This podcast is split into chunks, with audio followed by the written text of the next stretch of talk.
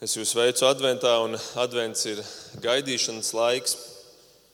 Un katrs gaidīšanas laiks jau beidzās ar kaut ko, ko tu sagaidi. Tāpēc jau viņu sauc par gaidīšanas laiku. Un šis advents, šis gaidīšanas laiks mums beigsies ar kā sagaidīšanu, ar Ziemassvētkiem, ar Jēzus dzimšanas dienas sagaidīšanu. Un tie būs svētki. Bet ļaujiet man uzdot jautājumu. Es nezinu, vai jūs par to esat kādreiz padomājuši. Vai Jēzus vispār pavēlēja mums svinēt viņa dzimšanas dienu šādā formā? Vai Jēzus mums pavēlēja kādā evanģēlijā, kur viņš teiktu, patiesi, patiesi es jums saku, jums būs gaidīt manu dzimšanas dienu vismaz vienu mēnesi gadā? Nē, vai ne? Mēs nekur to nelasām. Un, protams, mēs to darām, jo mēs priecājamies par Kristu, un, un tas ir labi. Arī es gaidu un arī svinu adventu un, un priecājos par to, ka visa pasaule to dara. Bet, bet ja mēs svinam šo adventu, kuru Jēzus nav mums pavēlējis svinēt, tad cik daudz vairāk mums vajadzētu svinēt to adventu, kuru Viņš ir pavēlējis mums Tā ir Jēzus otrā atnākšana, kura ir tik daudz reizes Bībelē pieminēta, ka ir skaidrs, ka tam ir ļoti liels uzsvars Dieva lielajā plānā šai pasaulē. Un sanāk, ka mēs šobrīd svinam tādu mazo adventu lielā adventā, vai ne? Ir šis mazais advents, kas kulminēs Kristus dzimšanas dienā, bet ir tas lielais advents, kurā mēs šobrīd dzīvojam, kas kulminēs arī kādos lielos svētkos. Un kas ir šie lielie svētki, kas būs Jēzus otrajā atnākšanas dienā? Jēzus kāzas. Bībele saka, ka tās būs jēra kāzas, Kristus kāzas. Un par to mēs arī šodien vēlamies domāt, turpinot mūsu mazo svētdienu sēriju par Jēzus otro atnākšanu. Un mēs esam 24. nodaļā Mateja evaņģēlijā. Es aicinu atveriet vaļā kopā ar mani Mateja 24, no 36. panta mēs šodien domāsim. Mēs jau esam šajā sērijā apskatījuši dažādus aspektus, kā piemēram, kas būs tās zīmes, kuras liecinās par Jēzus atnākšanu. Mēs runājam par lielām bēdām, kas būs pasaulē pirms nāks šī lielā prieka diena. Un ka tur būs lielas dabas stihijas un, un notiks visādas lietas, kuras mums šobrīd ir grūti pat aptvert. Bet šodien es vēlos aplūkot šo šodienas tēmu tieši no šī aspekta. Kādēļ šī Jēzus otrā atnākšana būs kāzas? Kādēļ tā būs kāzu diena? Un šodienas tekstu, kuru mēs apskatīsim no 36. līdz 44. pantam, es sadalīšu trīs daļās. Pirmais būs apstiprinājums, tad būs aizraušana, un beigās būs vēl viens, ko es pateikšu beigās. Un pirmais būs tāds bišķiņ garāks, jo es vēlos parādīt to domu, kāpēc vispār mēs ejam pretī kāzām. Tātad pirmais apstiprinājums, un 36. pantā mēs lasām, bet to dienu vai stundu neviens nezina. Ne dzeņģeļa debesīs, ne dēls, vienīgi tēvs. Iespējams, ka šo pantu mēs esam bieži dzirdējuši, citējuši un varbūt pat lietojuši paši, lai, nu, lai pateiktu, ka nu, domāt par to Jēzus otro atnākšanu tāpat nav vērts, jo mēs jau tāpat nezinām. Pasties pat Jēzus nezinu. Ne? Bet eh, es vēlos šodien tomēr apstāties pie šī panta un eh, mazliet apbrīnot to. Jo tas nav parasts pants. Šis pants nav no šīs pasaules. Šis pants ir kaut kas, kas ved mūs dievišķajā sfērā. Šis pants ir kaut kas tāds, kas ved mūs ne tikai pretī nākotnē, bet viņš patiesībā rāda arī ceļu uz pašiem pasaules pirmsākumiem. Šis pants sniedz kādu klusu liecību par to, kādēļ vispār šī pasaule ir radīta. Kādēļ mēs vispār esam šeit, šajā pasaulē. Un es atkal gribu uzdot tādu jautājumu, atkal godīgi paskatīsimies šo raksturvietu. Vai, vai jums nav licējis neparasti, kādēļ Dievam būtu jāslēpj šī diena no sava dēla un no eņģeļiem, kur kalpo viņam. Kādēļ? Vai tas nav neparasti, vai tas nav mazliet dīvaini? Mēs tā esam tik bieži to dzirdējuši, mums liekas, nu jā, tas tā ir vienkārši un viss, bet kāpēc? Jā, no cilvēka slēpt, tas ir loģiski. Jā, jo citādi cilvēks dzīvot bezdievībā līdz pēdējai dienai, ne, jo viņš zina, kad atnāks Jēzus. Tad jau es vēl varu uzdzīvot, un tad pēdējās stundās es pievērsīšos ticībai. Un, ja būsim, ja būsim atklāti šodien, patiesībā cilvēki tā arī dzīvo. Nu, jā, uz baznīcu sākšu iet, tad, kad man būs pensija. Atliksim, jo būs jau laiks tam, tad man nebūs citas lietas, ko darīt, tad es iešu uz baznīcu. Tādi mēs esam cilvēki, tāpēc jā, no cilvēkiem slēpt, to mēs varam saprast. No eņģeļiem slēpt. Eņģeļi ir viņa kalpi, eņģeļi līdzdarbojās glābšanā, eņģeļi līdzdarbosies Jēzus otrajā atnākšanā. Bet, nu labi, par eņģeļiem mēs vēl arī varētu saprast, jo nu, Sātans arī kādreiz bija eņģelis, viņš, viņš bija varenākais eņģelis, un viņš piekrāpa Dievu, ja tā var teikt. Bet no dēla? No dēla? Vai tad Jēzus pats nav Dievs, un ja viņš ir Dievs, vai tad viņš nav visu zinošs? Kā to saprast? Mēs taču pat lasām, ka ka viņš lasīja cilvēku domas, viņš zināja, ko cilvēki domā. Piemēram, Marka 2 ir rakstīts, ka Jēzus savā garā nomanīja, ka viņi sevī to un to domā. Kā viņš varēja nezināt to stundu? Un mēs vēl esam kolosiešiem 1.19, ka Dievam patika, ka visa pilnība iemājo viņā. Jēzus bija pilnīgs, viņš bija Dievs, viņā iemājoja visa pilnība. Kā viņš varēja nezināt to stundu? Bet Bībele tik tiešām dod mums vismaz kādu ieskatu atbildē. Un šī atbilde mums daudz ko māca par pašu Dievu. Filipiešiem vēstulē Pāvils raksta par Jēzu šādi. Viņš raksta, Jēzus, būdams Dieva veidā, neuzskatīja kā satveramu laupījumu būt vienādam ar Dievu, bet sevi iztukšoja, pieņēma kalpa veidu un tapis pēc cilvēka līdzības un būdams tāds pats kā cilvēks un tā tālāk. Tātad mēs redzam, Jēzus bija un ir Dievs, bet te ir rakstīts, ka viņš neturēja to, šo dievišķumu, šo, šo potenciālu kā tādu laupījumu, kur tu nu esi nolaupījis, un tas tagad ir tavs, un tu viņam to nevienam to neados.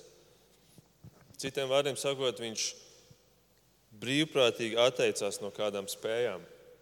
Viņam bija šīs spējas, bet viņš viņas brīvprātīgi nelietoja. Kā kāds mācītājs teica, viņam bija visi instrumenti skapī, bet viņš izvēlējās tos nelietot. Nelietot līdz brīdim, kad tēvs lika tos lietot. Nelietot līdz brīdim, kad tēvs lika tos lietot. Un tā nu Jēzus visu dara pēc tēva gribas. Mēs to lasījām, piemēram, Jāņa 6, kur ir teikts, kur Jēzus saka, es neesmu no debesīm nācis, lai darītu savu gribu, lai lietotu visus manus pieejamos instrumentus, lai turētos pie manas dievišķības, bet lai darītu tā gribu, kas man ir sūtījis. Un dažas nodaļas tālāk, Jānis 14. viņš saka, es mīlu tēvu un daru kā tēvs man ir pavēlējis. Tātad mēs redzam, Jēzus patiesībā šo visu dara, jo viņu motivē mīlestība uz tēvu. Mīlestības dēļ viņš dara tikai to, ko tēvs saka. Cik paklausīgs dēls. Tik paklausīgu dēlu šī pasaule nav redzējusi. Viņš dara to, ko tēvs pavēla. Un tad ir vēl viena ļoti svarīga raksturvieta, lai mēs, lai mēs saprastu par to, kā, kāda bija Jēzus šī funkcija šeit uz zemes. Jāņa 15, 15. Viņš saka, es jūs vairs nesaucu par kalpiem, jo to, ko dara kungs, viņa kalps nezina. Es jūs saucu par draugiem. Un tagad klausieties, jo es esmu jums darījis zināmu visu, ko dzirdēju no tēva. Tātad Jēzus mums ir darījis zināmu to, ko viņš saņēma no tēva. Viņš operē tikai ar to informāciju, kuru viņš saņem no tēva. Viņam ir pieejami visi instrumenti, bet viņš lieto tikai tos, kurus tēvs liek. Un tādā veidā Jēzus kā, ienāk šajā, šajā zemē, šajā dzīvē un sāk šo dzīvi no nulles. Un viņš aug un pieaug caur to, ko Tēvs viņam dod. Un tādā veidā Jēzus spēja garīgi augt, kas ir neticami, ka Dievs spēja augt. Bet, jā, Lūka 2 ir rakstīts, Jēzus pieauga gudrībā, augumā un piemīlībā pie Dieva un cilvēkiem. Jēzus spēja pieaugt pat gudrībā, jo Jēzus bija gatavs sākt no nulles un pakļāvībā un paklausībā lietot tikai to, ko Tēvs viņam deva. Un tā nu Jēzus to stundu bija atstājis tēva zināšanās.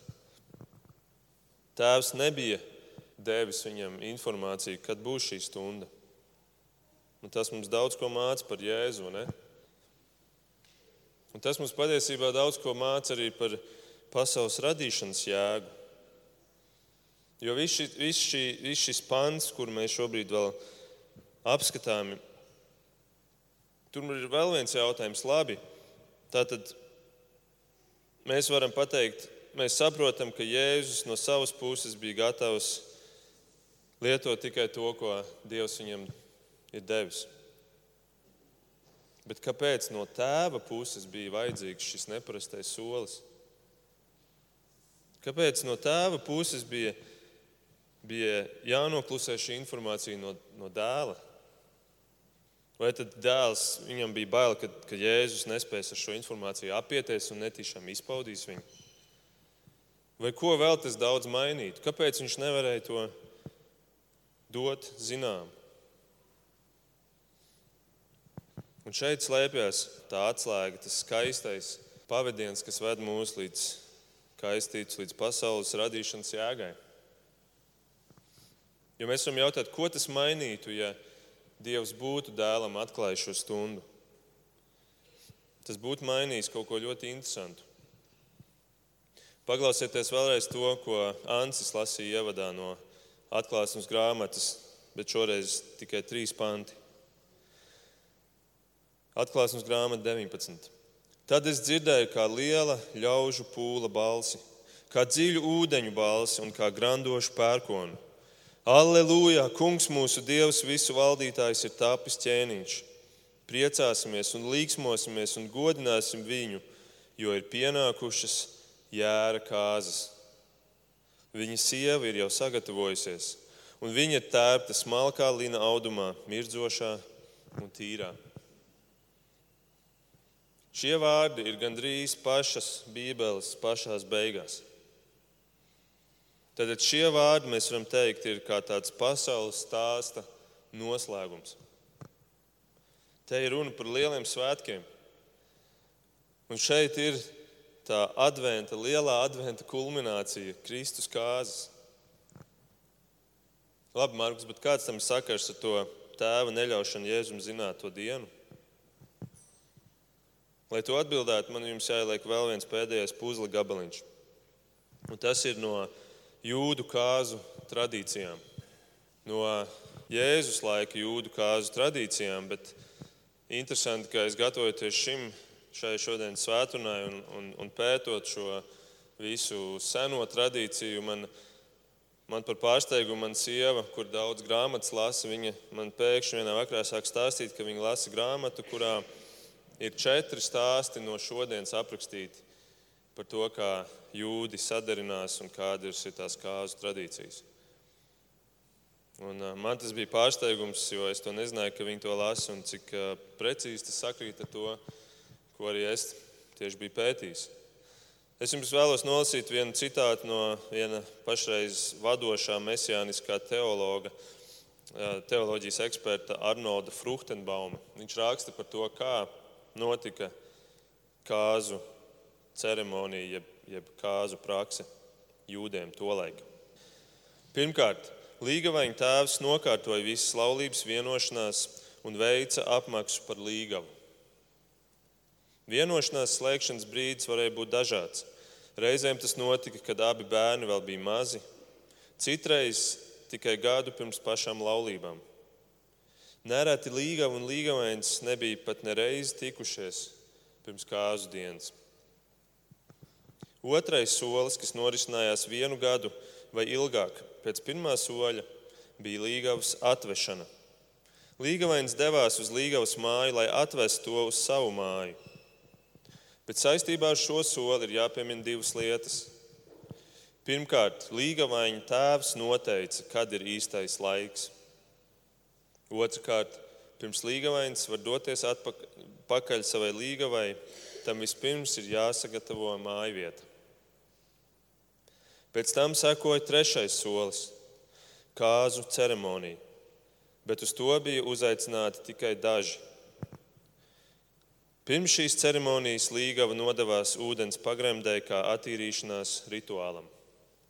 Un tad ceturtajā solī sekoja kāzu mīlestības un tas pat varēja ilgt līdz pat septiņām dienām.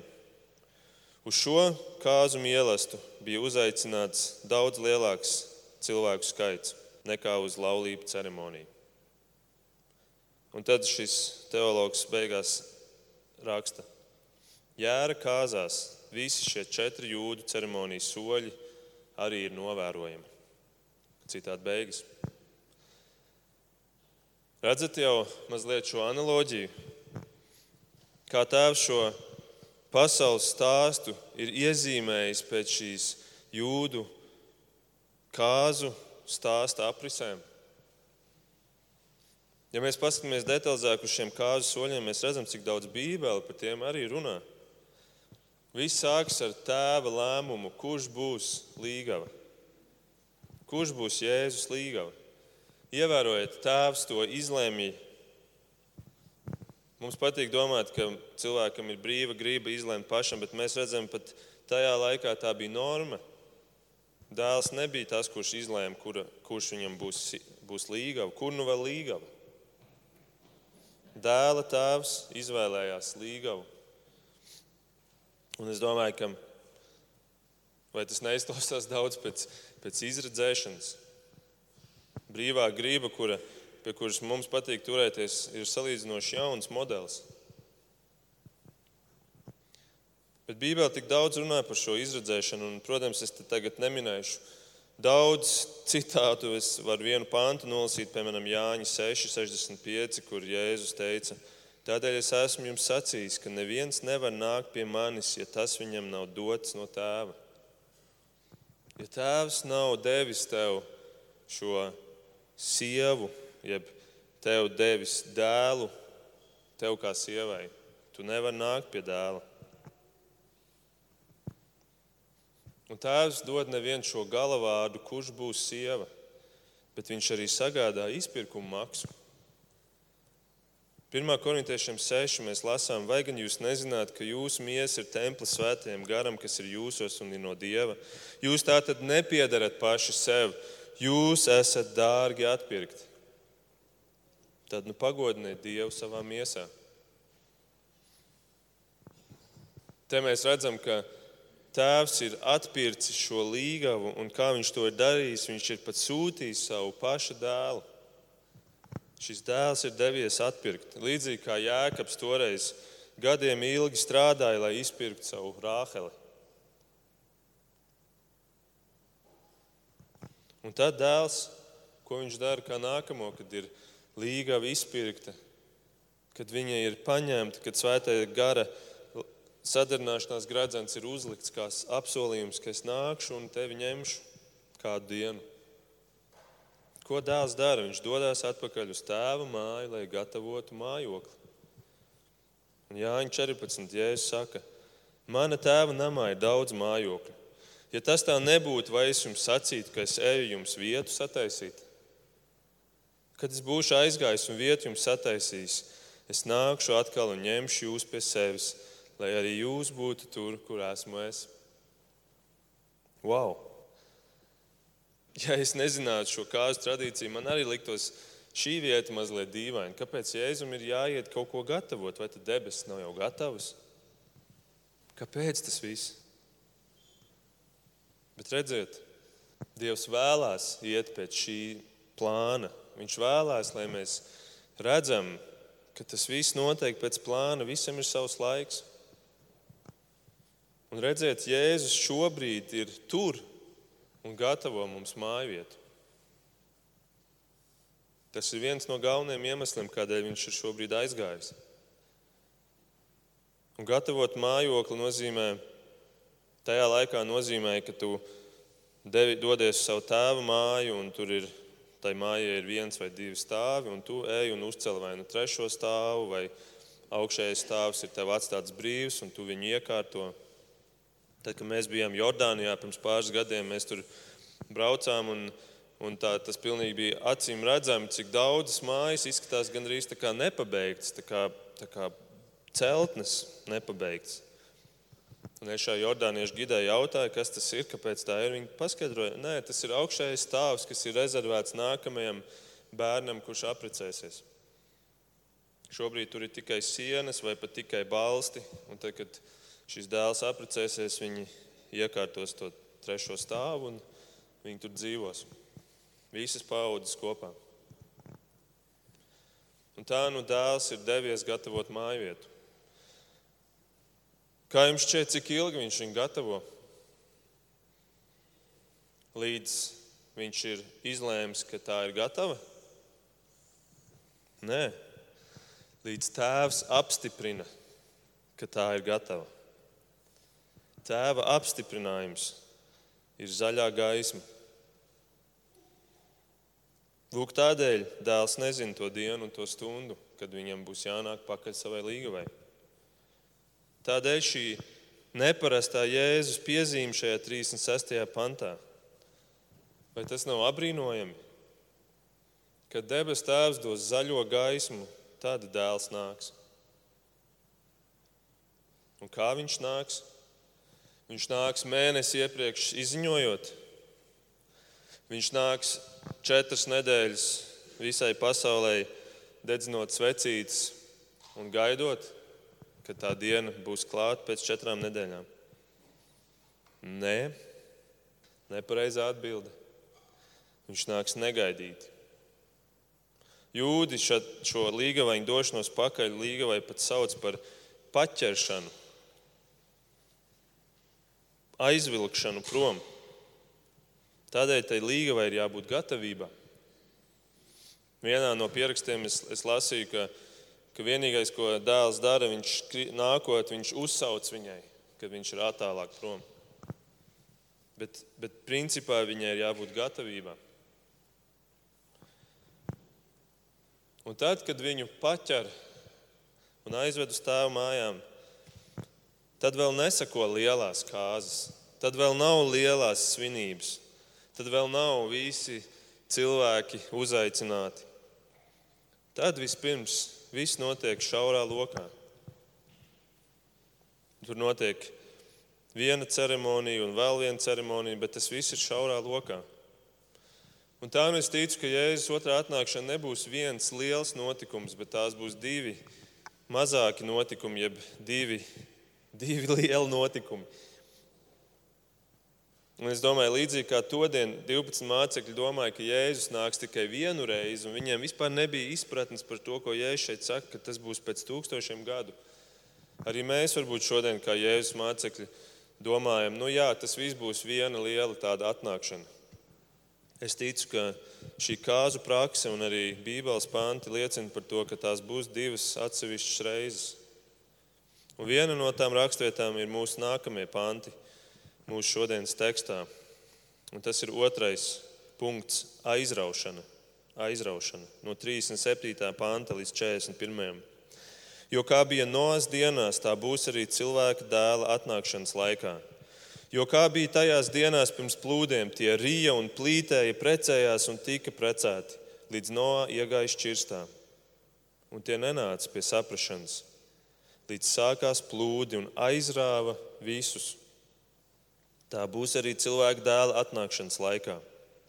Tad divi būs uz lauka, vienu paņems, otru pametīs.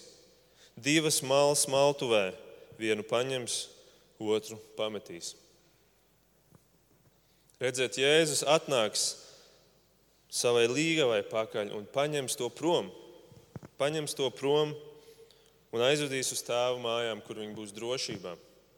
Un es ticu, viņi būs drošībā tik ilgu laiku, kamēr uz zemes valdīs šie baigie gadi, kurā pat svētais gars būs atkāpies. Svētais gars būs varbūt devies arī uz tēvu mājām uz šo kāzu ceremoniju mazā lokā. Kamēr uz zemes valdīs antikrista un dēmonu vadīta, vadītas briesmu dienas.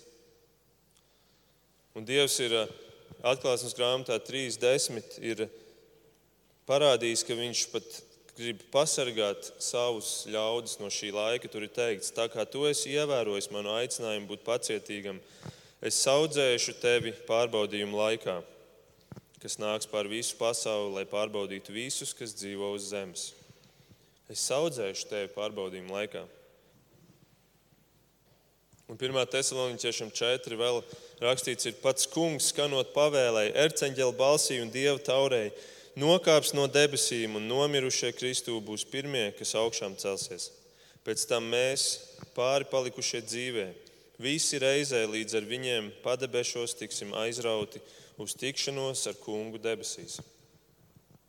Aizraut uz tikšanos ar kungu debesīs, ar Jēzu debesīs. Kristus saviem svētajiem dosies uz debesīm. Bet atcerieties, mēs iepriekš skatījāmies, ka tur notiek pretējā lieta. Tur notiek, ka Kristus nāk ar svētajiem no debesīm uz zemi. Tāpēc es ticu, ka tie ir divi dažādi notikumi. Vispirms Kristus paņems draugu prom, un viņi būs debesīs, un pēc tam Kristus nāks ar draugu atpakaļ uz šo zemi, lai nodibināt šeit vēl tūkstošu gadu miervalstību virs zemes. Kā Raimons arī pirms divām nedēļām minēja, ka atklāsmes grāmatu tekstu, kur Kristus nāk uz balta zirga un līdzi viņam nāk armija ar svētajiem, kuri ir baltos tērpos tērpti uz baltiem zirgiem. Un viņi nāk no debesīm uz zemi. Tāpēc es ticu, ka tie ir divi dažādi notikumi. Pirmajā draudzē tiek paņemta prom, otrajā draudzē atgriežas uz zemi. Un ievērojot šīs atšķirības, šis pirmais ir negaidītā brīdī. Līgava nezina, kurā dienā līgavains nāks pakaļ. Tāpat kā Noā laikā toreiz cilvēki tika pārsteigti, jo viņi negaidīja, tāpat arī tagad tas būs. Bet otrais notikums ir ļoti konkrētā laikā. Tas ir aprakstīts detaļās, tur ir uh, trīs ar pus gadi, un, un, un cilvēki burtiski gaidīs, kad viņš nāks. Vai arī pirmajā notikumā vienu paņem, otru atstāja. Pie tam mēs lasām, viens būs laukā, otrs būs maltuvē. Tā kā būs lielā Kristus atnākšana tajos trakajos gados, tad Jēzus saka, mūciet kalnos, ejiet kalnos, mūciet, slēpieties. Paralēlā rakstvietā pat ir teikts, viens gulēja gultā, divi gulēja gultā, vienu paņēma, otru atstāja. Gultā nevis kalnos, alā kaut kur. Un tā nu šī aizraušana, šī paraušana būs Jēzus otrās atnākšanas atklāšanas pasākums, ja tā var teikt. Un tu varbūt jautā sev, Labi, bet kāpēc tas viss ir svarīgi man? Es neesmu teologs. Es neesmu teologs. Vispār jau maza piebilde. Vispār jau, manuprāt, katram kristētim vajadzētu būt teologam. Varbūt ne ar, ar kaut kādu pasi, ne, bet uh, apliecību rokā, ka viņš ir teologs. Bet, bet kas tad ir teoloģija? Teoloģija ir mācība par Dievu. Un, ja tu mīli Dievu, tu gribi mācīties ne, par Dievu. Tas tāpat kā mēs varētu teikt, sievoloģija. Mācība par manu sievu. Ja es viņu mīlu, nu es gribu izzināt viņu, es mācīšos. Es neteikšu, jā, man ir izglītība, es zinu visu par sievietēm, ne, bet es gribu izprast viņu, es gribu mācīties par viņu, es gribu pazīt viņu. Tāpēc šis arguments, es neesmu teologs, tas man neskaitās. Ja? Man nenāciet pie manis ar šo. Bet tā patiesa atbilde, kuras vēlos dot, ir šī, ka šo saprast, manuprāt, ir ļoti svarīgi tādēļ, ka aizraušana var notikt jebkurā brīdī. Tā var notikt rīt, un tā var notikt šodien, jo nav nekādu vairs pravietojumu starp šodienu un šo aizraušanas dienu. Nav.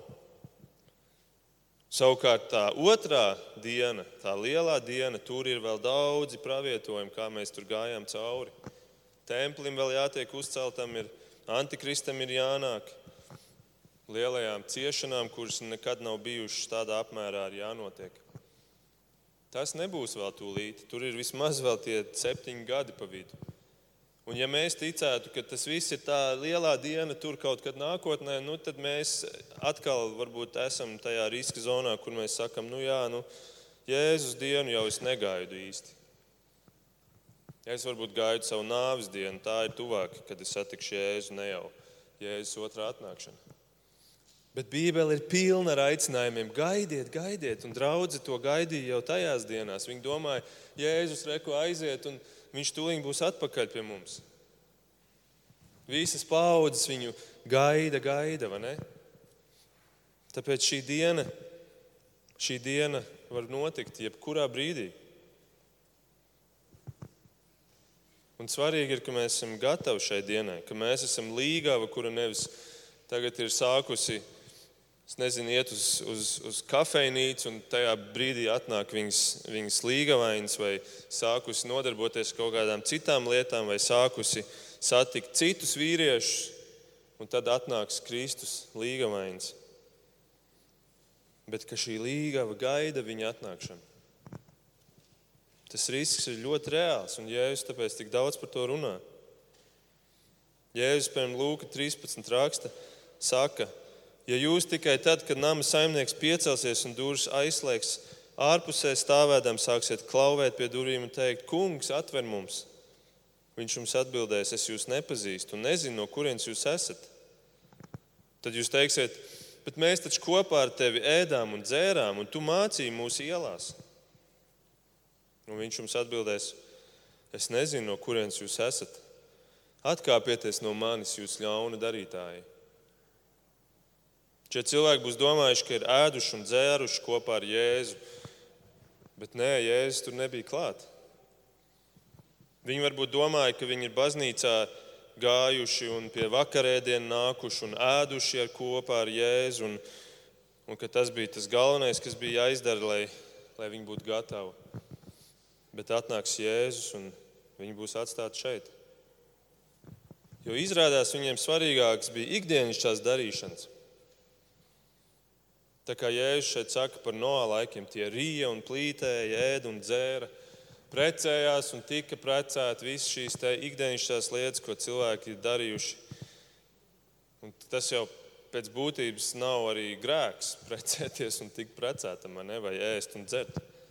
Bet jautājums ir, vai tas ir tas, kam tu velti savu galveno uzmanību un pūles? Vai tas ir tas, ko tu gaidi rītdienā visvairāk? Noā, kad viņš būvēja šo šķirstu, viņi ņirdza par viņu.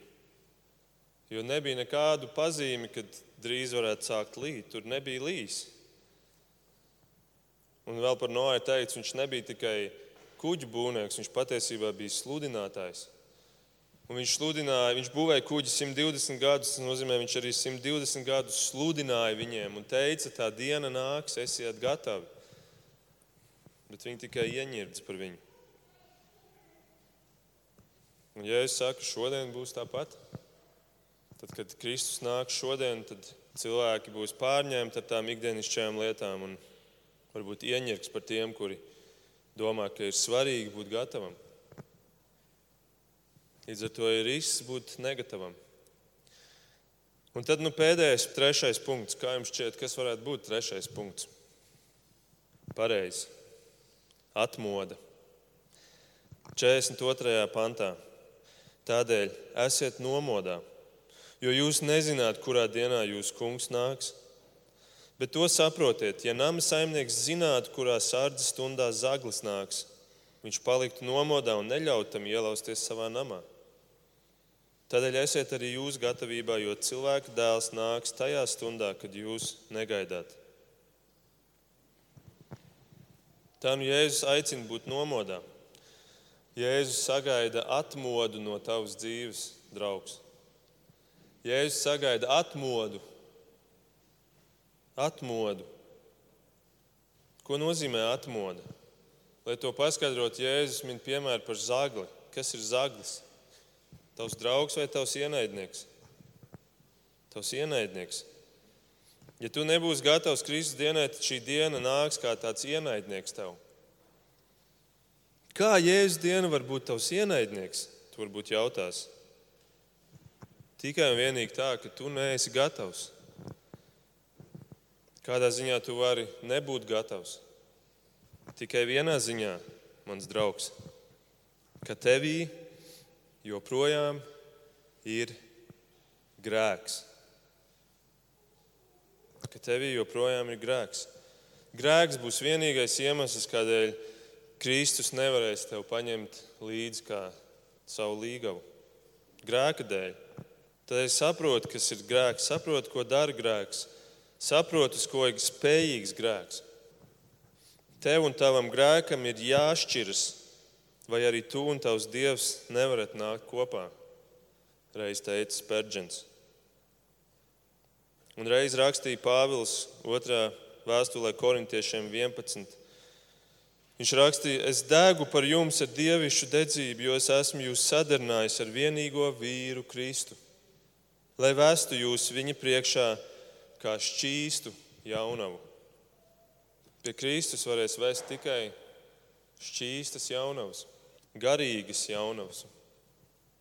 Un tu varbūt sāki pie sevis, Ak, es nožēlojamais cilvēks, es nekad to nespēju. Es nespēju būt šķīsts, es varu mazgāt savus drēbes, bet, bet viņas nekad nebūs pilnīgi tīras.